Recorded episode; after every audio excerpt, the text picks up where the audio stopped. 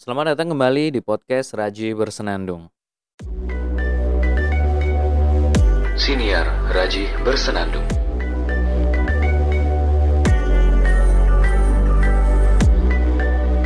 Jadi begini para pendengar setia podcast Raji Bersenandung. Akhir-akhir ini saya suka belajar lagi tentang sejarah, khususnya kerajaan-kerajaan di masa lalu. Nah, eh, saya jadi suka baca-baca soal Kerajaan Mataram Islam, Kesultanan Yogyakarta, Kesunanan Surakarta, Mangkunegara, apalagi Kerajaan Demak, dan lain-lain.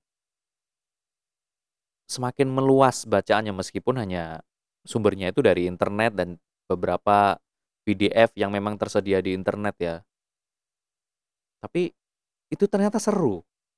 Saya dapat pengetahuan baru ketika baca-baca ini gitu Dulu hanya sekedar di di pelajaran sejarah kalau nggak di IPS ya, IPS SD waktu itu hanya sekedar menyebutkan inilah kerajaan-kerajaan Islam di Indonesia. Yang pertama ada Samudra Pasai, kemudian di Jawa ada Mataram Islam, ada juga Kesultanan Cirebon dan lain-lain. Nah, sedangkan detailnya saya tidak terlalu hafal. Ketika eh, pada masa-masa ini, masa-masa kuliah seperti ini, justru saya semakin terbuka untuk membaca banyak hal terkait kerajaan-kerajaan Islam di masa lampau. Sebenarnya bermula dari ini nih, ada dua hal yang membuat saya terpicu untuk mempelajari lagi soal sejarah seperti ini begitu. Yang pertama itu ketika dosen pembimbing saya mengajak saya untuk bikin artikel tentang nasionalisme dan eh bentar, Nusantara Nusantara Sasi, Nusantarization sebagai teori dekolonisasi. Kayak gitu. Nah, eh, salah satu pembahasan di dalamnya adalah mengenai penjajah. Jadi dulu penjajah itu punya strategi untuk memporak-porandakan dan mempermudah mereka untuk melakukan penjajahan di Indonesia. Sebenarnya tidak terfokus di Indonesia sih, tapi di wilayah Nusantara. Dalam hal ini yang saya maksud adalah di Indonesia, Malaysia, dan sekitarnya. Thailand, Filipina. Sekarang kan negara-negara, tapi dulu kan masih satu ya satu kesatuan lah. Nah, waktu itu ada pembahasan tentang strategi penjajah memasuki Indonesia lagi. uh, Nusantara untuk melakukan penjajahan di Nusantara memudahkan mereka untuk melakukan penjajahan begitu. Salah satu strateginya adalah masuk ke kekuatan-kekuatan besar pada saat itu. Nah, kekuatan besar pada saat itu adalah kerajaan. Akhirnya penjajah berusaha untuk masuk ke kerajaan melihat orang-orang yang punya power di dalamnya. Yang kita tahu orang yang punya power di kerajaan adalah raja. Tapi bisa jadi penasehat juga punya power gitu. Penasehat, pangeran, ratu sekalipun, permaisuri, permaisuri raja, mungkin juga selir, itu juga punya pengaruh begitu. Punya power. Dia bisa mempengaruhi keputusan raja atau bahkan dia bisa melakukan manuver politik di dalam kerajaan. Bisa seperti itu kan. Penjajah melihat yang seperti itu. Dia masuk ke dalam kerajaan, mendatangi orang-orang tentu pertama mendatangi raja ya. Kalau raja menolak maka dia mencari orang-orang yang sekiranya bisa digandeng tapi punya power gede dan dia punya misi melawan raja. Nah, begitu tuh. Biasanya ada kan mungkin ratunya nggak suka permaisuri itu sebenarnya tidak suka dengan si raja gitu atau ada pangeran yang dia sebenarnya menjadi raja pada saat itu tapi tidak jadi justru malah pangeran lain yang jadi raja gitu. Itu yang yang diajak gitu. Orang-orang tokoh-tokoh kunci di dalam kerajaan tapi sebenarnya uh, bisa kalau kalau disentil dikit dia itu bisa memunculkan konflik di dalam kerajaan sehingga bisa merebut kekuasaan gitu. Bisa memegang uh, memegang kebijakan lah. Kan kebijakan ada di tangan raja kan. Nah akhirnya Penjajah itu menggandeng orang-orang biar melakukan pemberontakan, biar nantinya orang-orang yang digandeng oleh penjajah ini menggulingkan raja pada saat itu, eh, orangnya naik tahta dan bisa memegang kebijakan dan punya power tertinggi di kerajaan. Nah, kalau usaha seperti itu berhasil, maka yang terjadi adalah penjajah akan punya power juga. Mau tidak mau, suka tidak suka, bukan suka tidak suka ya, tapi memang sudah terlanjur suka ya. Pasti orang yang di digandeng oleh penjajah ini ketika sudah berhasil menjadi raja, pasti akan menjadikan penjajah sebagai partner. Partner bisnis kah, partner apa dan lain sebagainya. Pokoknya sudah jadi kawan lah, kawan deket banget. Lalu setiap kebijakan dia pasti mendukung si partner, mendukung si penjajah. Kebijakannya merugikan rakyat dan menguntungkan penjajah. Nah, yang kayak gitu kayak gitu itu sering terjadi. Sering terjadi dan eh, yang seperti ini itu dibahas di artikel yang waktu itu saya dan dosen pembimbing saya nulis. Judulnya adalah Nusantarization sebagai teori dekolonisasi. Uh, kurang lebih ringkasnya seperti itu, judulnya panjang, book chapter itu. Nah itu yang membuat saya akhirnya terpicu untuk mempelajari sejarah-sejarah kerajaan-kerajaan di masa lalu. Akhirnya saya baca tentang Mataram Islam, ada kaitannya dengan Amangkurat. Amangkurat berapa ya kalau nggak salah, Amangkurat dua kalau nggak tiga gitu yang bekerja sama dengan penjajah. Mungkin salah satunya, mungkin dua-duanya ya, agak lupa. Nanti bisa dicek. Kayak gitu. Nah, Pemicu kedua, salah satu kawan saya, student PhD, student studentnya uh, dosen pembimbing saya juga. Beliau namanya Pak Muzakir.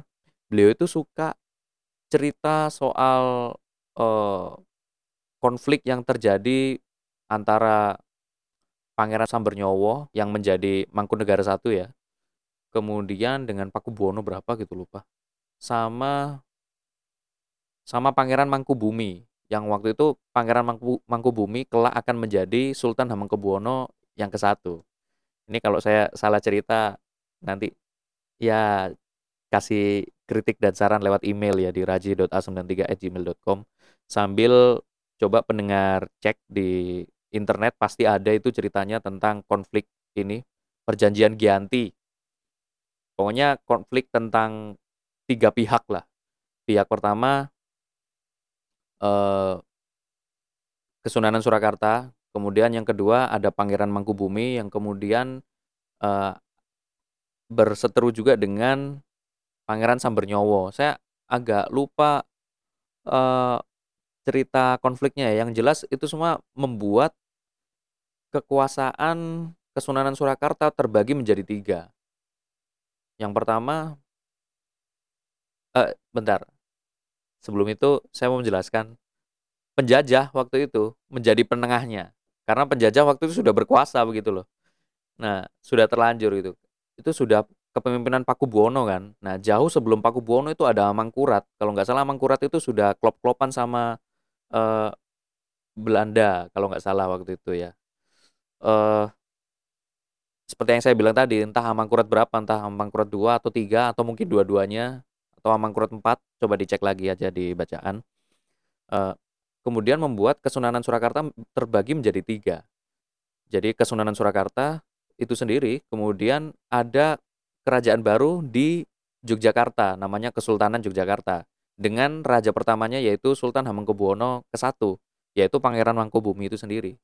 Lalu yang yang bagian yang lain itu menjadi Kadipaten Mangkunegaran Kadipaten Mangkunegaran ini dipimpin oleh adipatinya yang pertama yaitu Mangkunegara I. Kanjeng Gusti Pangeran Adipati Arya Mangkunegara I. Ya, siapa lagi kalau bukan Pangeran Sambernyowo? Seperti itu. Nanti soal sejarahnya silahkan dicek. Nah, Pak Muzakir tuh sering cerita soal konflik itu tadi. E, sama konflik di Kerajaan Demak yang perebutan kekuasaan juga, saya agak lupa. Nah, e, karena beliau sering cerita seperti itu, akhirnya saya jadi tertarik juga gitu loh untuk iya juga ya, menarik juga ya. Jadi gini, uh, Pak Muzakir cerita, saya tuh sambil browsing. emang bener ya yang diceritain? Oh iya bener gitu. Iya ya iya ya akhirnya bukan hanya sekedar, eee, mengkonfirmasi cerita beliau tapi saya baca-baca itu biar bisa nanggepin beliau juga begitu loh. Oh iya bener Pak, ternyata kayak gini tuh karena ini gitu. Ternyata ada ini, ada tombak Kiai Pleret dan lain-lain gitu.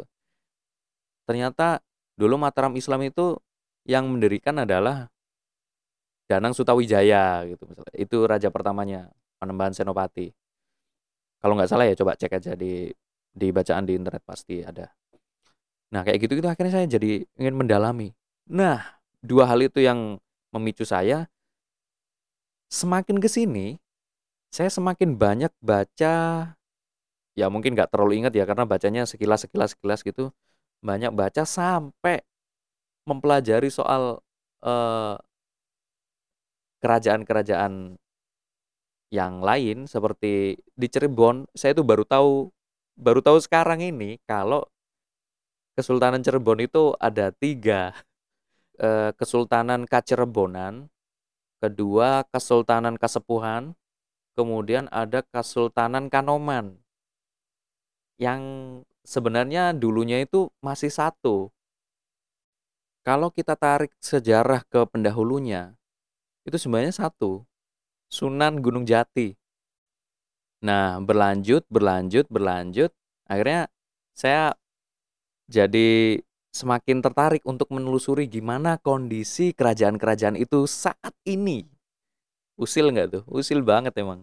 Tapi padahal di luar sana sebenarnya banyak orang-orang yang mengkaji seperti ini, termasuk kawan saya, eee, senior saya, guru saya juga, mentor, yaitu Mas Rivo Pahlevi, beliau adalah jurnalis di Trans 7. Ternyata Mas Rivo itu suka juga suka gitu loh mempelajari yang seperti ini seperti ini, leluhur-leluhurnya. Karena kebetulan ternyata Mas Rivo itu leluhurnya adalah Mangkunegaran. Baru tahu. Dari garis keturunan ibunya ya, dari dari ibunya. Itu keturunan Mangkunegaran loh. Wah, keren banget. Terus dia tertarik dong untuk ke bahkan sampai ini loh bela-belain ke Jogja menelusuri, peninggalan-peninggalan, ngunjungin keraton, dan dan lain-lain. Sampai datengin forum-forum yang, eee, mengkaji soal sejarah-sejarah kerajaan di masa lalu, begitu. Tapi kalau mengunjungi Mangkunegaran kurang tahu ya, mungkin sudah pernah ya Mas Rivo mengunjungi Mangkunegaran tuh, untuk mengetahui asal-usul beliau. Saya sempat tuh, dulu itu ngobrol bukan dulu, tapi sekitar beberapa bulan yang lalu, saya ngobrol panjang sama Mas Rivo malam-malam tentang, eee, Mangkunegaran, tentang Kesunanan Surakarta, tentang Kesultanan Yogyakarta, pokoknya sejarah-sejarah pada zaman dulu. Terus Mas Rivo cerita kalau, eee, Mas Rivo itu ikut kajian-kajian tentang sejarah, terus, eee, main ke Jogja selama seminggu kalau nggak saya lupa. Pokoknya bener-bener totalitas deh untuk mencari tahu itu, untuk, eee, melampiaskan keingintahuannya. Itu keren banget sih. Itu sebenarnya, eee, awal kami telepon itu gara-gara saya bikin kuis, habis itu ada pertanyaan yang jawabannya itu Pangeran Sambernyowo. Terus Mas Rivo nanggepin, "Wah, leluhurku tuh." Akhirnya kami ngobrol deh panjang. Eee, anyway, keusilan saya itu, saya tuangkan dalam aktivitas browsing. Browsing tentang informasi mengenai kerajaan-kerajaan di masa lalu, karena yang saya tahu kan, eee, Kesultanan Yogyakarta gitu.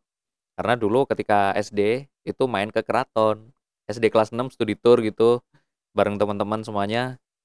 Salah satu destinasinya di Jogja, waktu itu studi tour-nya memang ke Jogja gitu, salah satu destinasinya adalah keraton, dan ya saya taunya Keraton Jogja gitu. Berarti masih eksis, dan ketika saya sering main ke Jogja kemarin, saya paham kalau ada satu kerajaan yang masih eksis, yaitu Kesultanan Yogyakarta. Sultannya adalah Sultan Hamengkubuwono ke-10. Nah, saya baru sadar untuk mengotak-atik tentang apakah ada kerajaan lain yang masih eksis? Itu baru sekarang. Bukan sekarang ya, tapi akhir-akhir ini gitu loh, itu kocak sih. Ya sudah, saya browsing, ketemulah ternyata tidak hanya Kesultanan Yogyakarta yang masih ada, yang masih eksis. Tapi ada Kesunanan Surakarta, ada yang ini ya, yang punya keraton-keraton dan juga ya seperti kerajaan lah. Ada Kadipaten Mangkunegaran, ada Kadipaten Pakualaman. Semua itu wilayahnya ada di Jogja Solo lah. Kemudian ada yang saya sebutkan tadi tiga kerajaan di Cirebon. Ada Kesultanan Kacerebonan, ada Kanoman, ada Kasepuhan. Tapi kayaknya nggak nggak tahu sih yang kalau yang Cirebon ini saya belum dalamin lagi. Nah di Sumatera di Sumatera Utara juga ada. Kalau nggak salah ya di Sumatera itu ada juga di Ambon eh Ambon di Maluku kalau nggak salah ada juga. Raja terakhirnya sudah wafat, belum ada penerusnya kalau nggak salah. Kalau yang di Maluku. Uh, sementara sih itu sih yang saya tahu. Ya karena karena ternyata banyak kerajaan-kerajaan yang masih eksis. Akhirnya saya kepo dong, cari tahu infonya uh, tentang uh, eksisnya itu seperti apa sih. Misalkan Kesultanan Jogja. Saya cek di uh, internet oh ternyata sudah punya website, lalu ada sosial medianya ya saya follow akhirnya Keraton Jogja. Uh, saya akhirnya kepo tentang aktivitas keraton pada saat ini. Nah, terus saya lihat di Instagramnya @keraton_jogja, terus saya juga baca-baca di websitenya, oh kayaknya menarik ini. Saya akhirnya jadi tahu kalau Keraton Jogja saat ini benar-benar berusaha mengikuti perkembangan zaman teknologi itu benar-benar disesuaikan. Tapi tetap menjaga kebudayaannya gitu. Wah, itu menarik banget, menarik banget. Aktivitas-aktivitasnya itu membuat saya jadi ingin uh, ingin tahu terus updatean tentang aktivitas yang ada di Keraton Jog Keraton Jogja gitu. Uh, saya juga akhirnya tahu bagaimana silsilah yang ada di uh, Kesultanan Yogyakarta, termasuk yang sekarang ini. Saya jadi tahu kalau Sri Sultan Hamengkubuwono X dan permaisuri beliau Gusti Kanjeng Ratu Hemas itu punya lima putri generasi penerus. Yang pertama yaitu ini saya sebutin ya. Saya kebetulan hafal gitu. Yang pertama Gusti Kanjeng Ratu Mangkubumi, yang kedua Gusti Kanjeng Ratu Condro Kirono, yang ketiga Gusti Kanjeng Ratu Maduretno, yang keempat Gusti Kanjeng Ratu Hayu, yang kelima Gusti Kanjeng Ratu Bendoro. Uh, saya tidak hanya baca di ini berita di website, kemudian uh, di berita mengenai aktivitas keraton, uh, kemudian mengikuti di sosial medianya, tapi saya juga dengerin podcastnya di podcast Putri Kedaton. Uh, saya jadi promosi podcast kan. Silakan didengerin dan bagus-bagus. Maksudnya isinya itu, isinya bercerita tentang kehidupan di dalam keraton, bagaimana kelima putri sultan tersebut beraktivitas, memegang tanggung jawab, lalu dikaitkan dengan nilai-nilai tertentu misalkan nilai budaya, nilai uh, Pancasila dan lain-lain. Bahkan yang unik lagi adalah banyak cerita lucunya. ya, ya seperti itulah. Saya uh, sampai segitunya gitu loh. Saya pengen tahu tentang kerajaan-kerajaan yang masih eksis sampai sekarang. Lalu uh, mengenai kerajaan yang lain seperti Kesunanan Surakarta itu saya baru mengikuti di ini aja sih baca-baca gitu. Lalu Mangkunegara juga eh, Pakualaman juga Cirebon juga itu masih sekedar baca-baca saja. Ya yang saya eh, terkagum-kagum itu adalah mereka masih eksis gitu loh. Di tengah zaman dan bentuk negara yang benar-benar berbeda dengan kerajaan, mereka masih ada. Itu itu keren, itu bagus gitu loh, bagus. Arti bukan berarti uh, membuat negara sendiri dalam sebuah negara gitu bukan. Uh, mereka eksis tentu dengan uh, beberapa kesepakatan begitu. Saya kurang paham ceritanya ya, nanti coba dicek lagi tentu saya yakin kerajaan-kerajaan ini, kerajaan misalkan, eee, seperti Kasunanan Surakarta, Kesultanan Yogyakarta, mungkin juga kadipaten-kadipaten seperti Pakualaman dan Mangkunegaran, itu sepakat akan keberadaan Negara Kesatuan Republik Indonesia dan sepakat juga mereka berada di wilayah Negara Kesatuan Republik Indonesia. Tapi tetap eksistensinya masih ada begitu. Nah, belum yang yang benar-benar, eee, hilang seperti bukan hilang ya, eee, benar-benar runtuh seperti Majapahit gitu. Nah, saran saya sih kepada pendengar semuanya, mungkin tidak ada salahnya bagi para pendengar ya, untuk coba baca-baca soal soal sejarah yang seperti saya jelaskan tadi gitu. Meskipun penjelasan saya mungkin agak belibet ya, tapi tujuan saya bercerita ini tuh mau menunjukkan ke pendengar semuanya bahwa ini tuh menarik untuk dipelajari, untuk ditelusuri sebagai ya menambah pengetahuan kita. Tidak hanya itu juga, tapi kita bareng-bareng untuk untuk apa ya istilahnya ya, melestarikanlah. Karena mau tidak mau kerajaan-kerajaan yang masih ada, mereka melestarikan apa yang ada di dalamnya. Sistem pemerintahannya yang ada di internal, kemudian apalagi, eee, militernya pasti ada juga. Kesultanan Jogja ada punya militer. Mangkunegaran punya Legiun Mangkunegaran.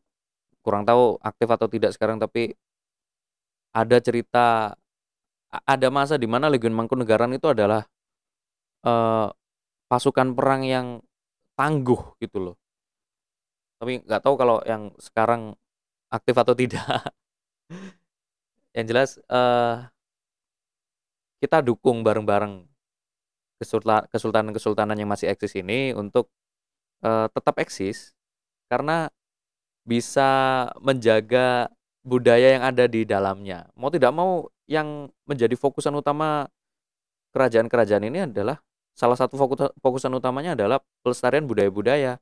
Karena seiring berlalunya waktu dengan zaman yang seperti ini ya, eee, penerus-penerusnya itu belum tentu mau untuk meneruskan, belum tentu, eee, anak pertama raja itu mau untuk menjadi sultan selanjutnya, eee, atau pangeran-pangeran yang ada di kerajaan, putri raja itu belum tentu juga untuk mau menjaga budaya-budaya yang ada di dalam kerajaan atau keraton. Belum tentu, mereka bisa jadi malas, mereka bisa jadi memilih untuk, "Eh, apa sih ini, nggak penting, lebih penting tuh saya eksis di dunia luar," gitu. Itu, wah gimana ya, sayang banget lah kalau seperti itu.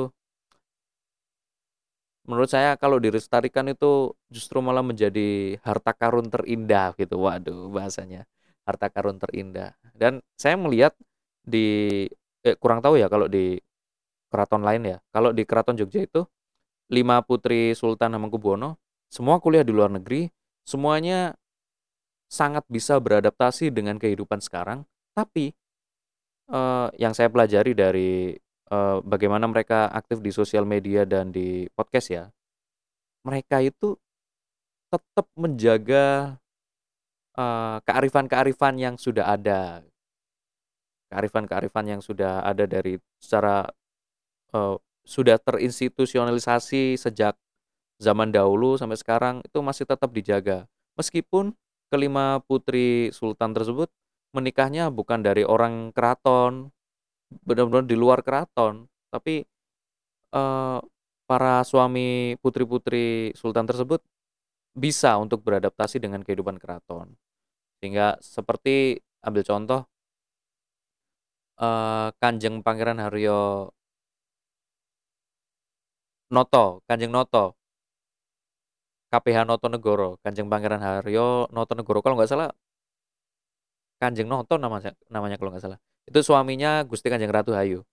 Nah, beliau, eee, juga aktif menari di keraton, mengajarkan musik juga di keraton, aktif loh, dapat semuanya, eee, aktif di keraton.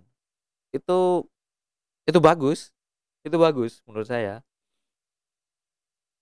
Uh, dan saya sih berharap ya orang-orang di luar keraton seperti saya dan Anda mungkin yang mendengar, tidak hanya di luar keraton Jogja ya, di, di semua kerajaan yang masih ada di Indonesia ini, ayo kita ayo kita dukung, ayo kita dukung gitu loh.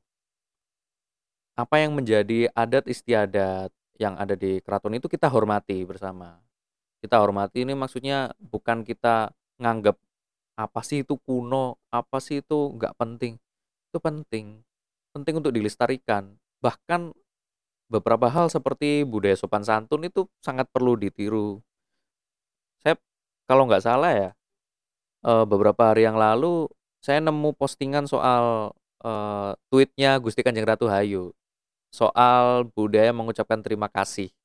Itu kata Gusti Kanjeng Ratu Ayu di tweetnya itu ketika dia mengucapkan terima kasih ke ke satpam kalau nggak salah ya yang membantu menyeberangkan jalan itu ada orang yang bilang beliau itu kampungan padahal untuk mengucapkan terima kasih itu kita tidak harus memandang siapa gitu loh kita bisa berterima kasih ke siapa pun nah yang seperti itu seperti itu itu yang perlu kita uh, lestarikan. Biar apa? Biar dengan berkembangnya, uh, zaman yang seperti ini, uh, pertama, kerajaan-kerajaan yang seperti yang yang masih eksis ini, masih tetap eksis. Yang kedua, budaya-budayanya juga masih tetap terlestarikan. Yang ketiga, kitanya juga tidak jumawa dengan, uh, ke ke apa ya, kemampuan kita untuk beradaptasi dan uh, mengikuti perkembangan zaman. Kita juga yang kemudian juga kita tidak tidak lupa kalau kalau kita itu orang Indonesia loh. Kita punya kultur yang dulunya itu sudah ada. Jadi apa pun perkembangannya terpengaruh oleh barat dengan kultur seperti ini seperti itu, tetap uh, kita itu punya kultur sendiri yang uh, sangat sayang sekali kalau dihilangkan begitu. Ya, kayak gitu sih kira-kira. Begitu para pendengar setia podcast Raji Bersenandung. Terima kasih sudah mendengarkan sampai akhir. Uh, meskipun mungkin rada membosankan ya, sorry banget, sorry banget. Saya paham sekali itu hal itu. Uh, masih berusaha saya perbaiki, tapi nggak tahu. Semoga semakin ke depan semakin baik. Terima kasih Sampai jumpa di episode berikutnya. Kritik dan saran saya tunggu di rajih.a93@gmail.com atau direct message ke saya di Instagram @rajih.araki atau di @rajihbersenandung. Terima kasih dan sampai jumpa.